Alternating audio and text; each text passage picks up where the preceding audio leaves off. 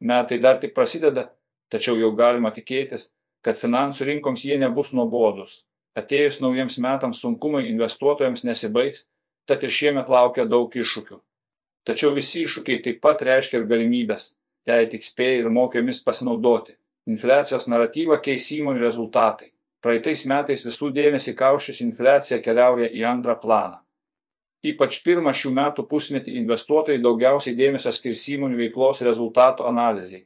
Todėl jau sausio antra pusė ir vasaris finansų rinkose bus itin karšti bei aktyvūs. Spėliojama, kokio gylio ir ilgio recesijos tikėtis.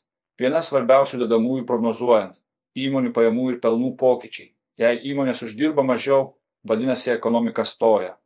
O jei veiklos rezultatai yra žymiai prastesni nei tikėtasi, reikia ruoštis rimtam sunkmečiui. Būtent ši tema taps pagrindinė ir svarbiausia, daugiausiai judinančia finansų rinkas.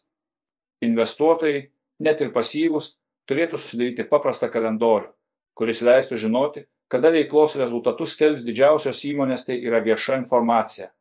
Būtent gigantų rezultatai rinkas judina labiausiai ir gali paskatinti tiek žymius ralius, tiek aštrius kritimus. Žinojimas, kada kintamumas rinkose tikėtina bus didelis, pirmiausia leis pasiruošti emociškai. O labiau patyrusiems investuotojams galimai padės priimti ir pelningus taktinius sprendimus.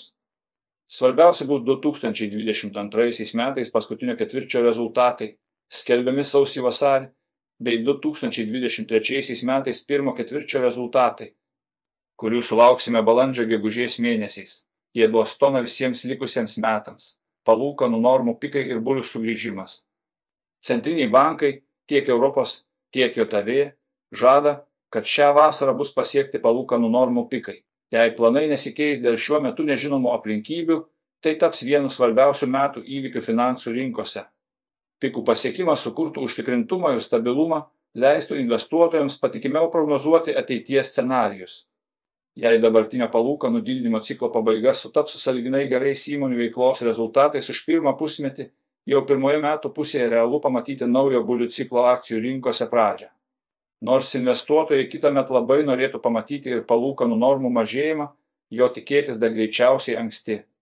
Be to, finansiškai tvarių bei stiprių vertės įmonių akcijų kainų didėjimui mažesnės palūkanos nėra būtinos.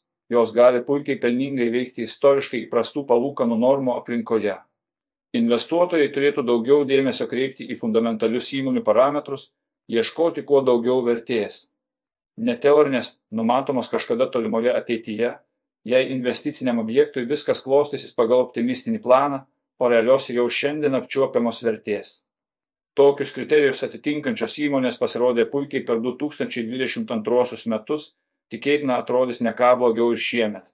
Energetikos kainų normalizacija. Praeitais metais matytos energijos išteklių kainų aukštumos liks už nugaros. Šiemet, su momentiniais šuoliais, laukiame stabilizacijos.